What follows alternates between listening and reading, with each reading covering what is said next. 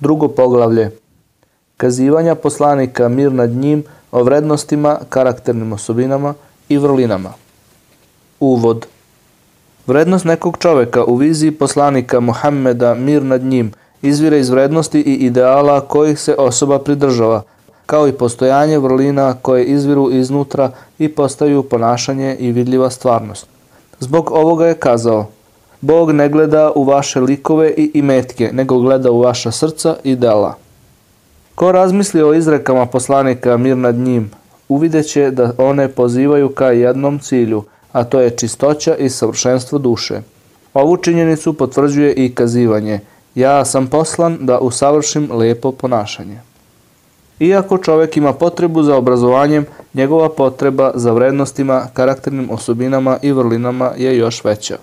Uzrok nedaća, kao što su nepravda i tiranija, u jednom društvu jeste nedostatak morala, a ne nedostatak znanja. Otuda su lepe karakterne osobine glavna karakteristika poslanikove misije. On je pozivao u pravdu sa svim njenim značenjima. Pozivao je da se pravedno postupa sa svakim. Pozivao je u samilost prema životinjama, u blagost, poverenje, hrabrost, poniznost, izvršavanje obaveza – sigurnost, lep govor.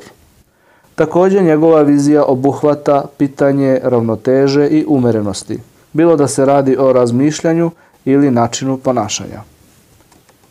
Poslanik mir nad njim je pozivao u to da se vreme iskoristi na najbolji način i u odgovornosti, a njegova misija na kojoj je bio ustrajan pozivala je u ozbiljnost, dozvoljen način zarađivanja i samokontrolu.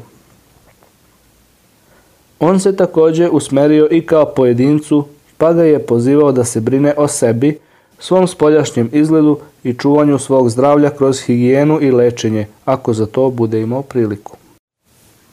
Poslanik, mir nad njim, je pozivao u uspostavljanje društva izgrađenog na poštovanju ljudskog života i lepih karakternih osobina. Društvo koje vodi ljubav i prijateljstvo – a u kojem će sve biti ojačano dobrovoljnim aktivnostima za opštu korist. On je postavio i neka načela zajedničkog delovanja kao što su dogovaranje, propisanost borbe protiv nepravde ukoliko postoji, pa je postavio i pravila ratovanja i pravila borbe, a što je veoma potrebno današnjem čoveku. On je imao i svoju viziju sreće, optimizma i humora. To je sve poklanjao onima čije je srce ispunjeno brigom i tugom. Danas je čovečanstvu najpotrebnije, bez obzira na njihovo razlikovanje po pitanju vere i nacije, da ostvare ova prava da bi bili srećni.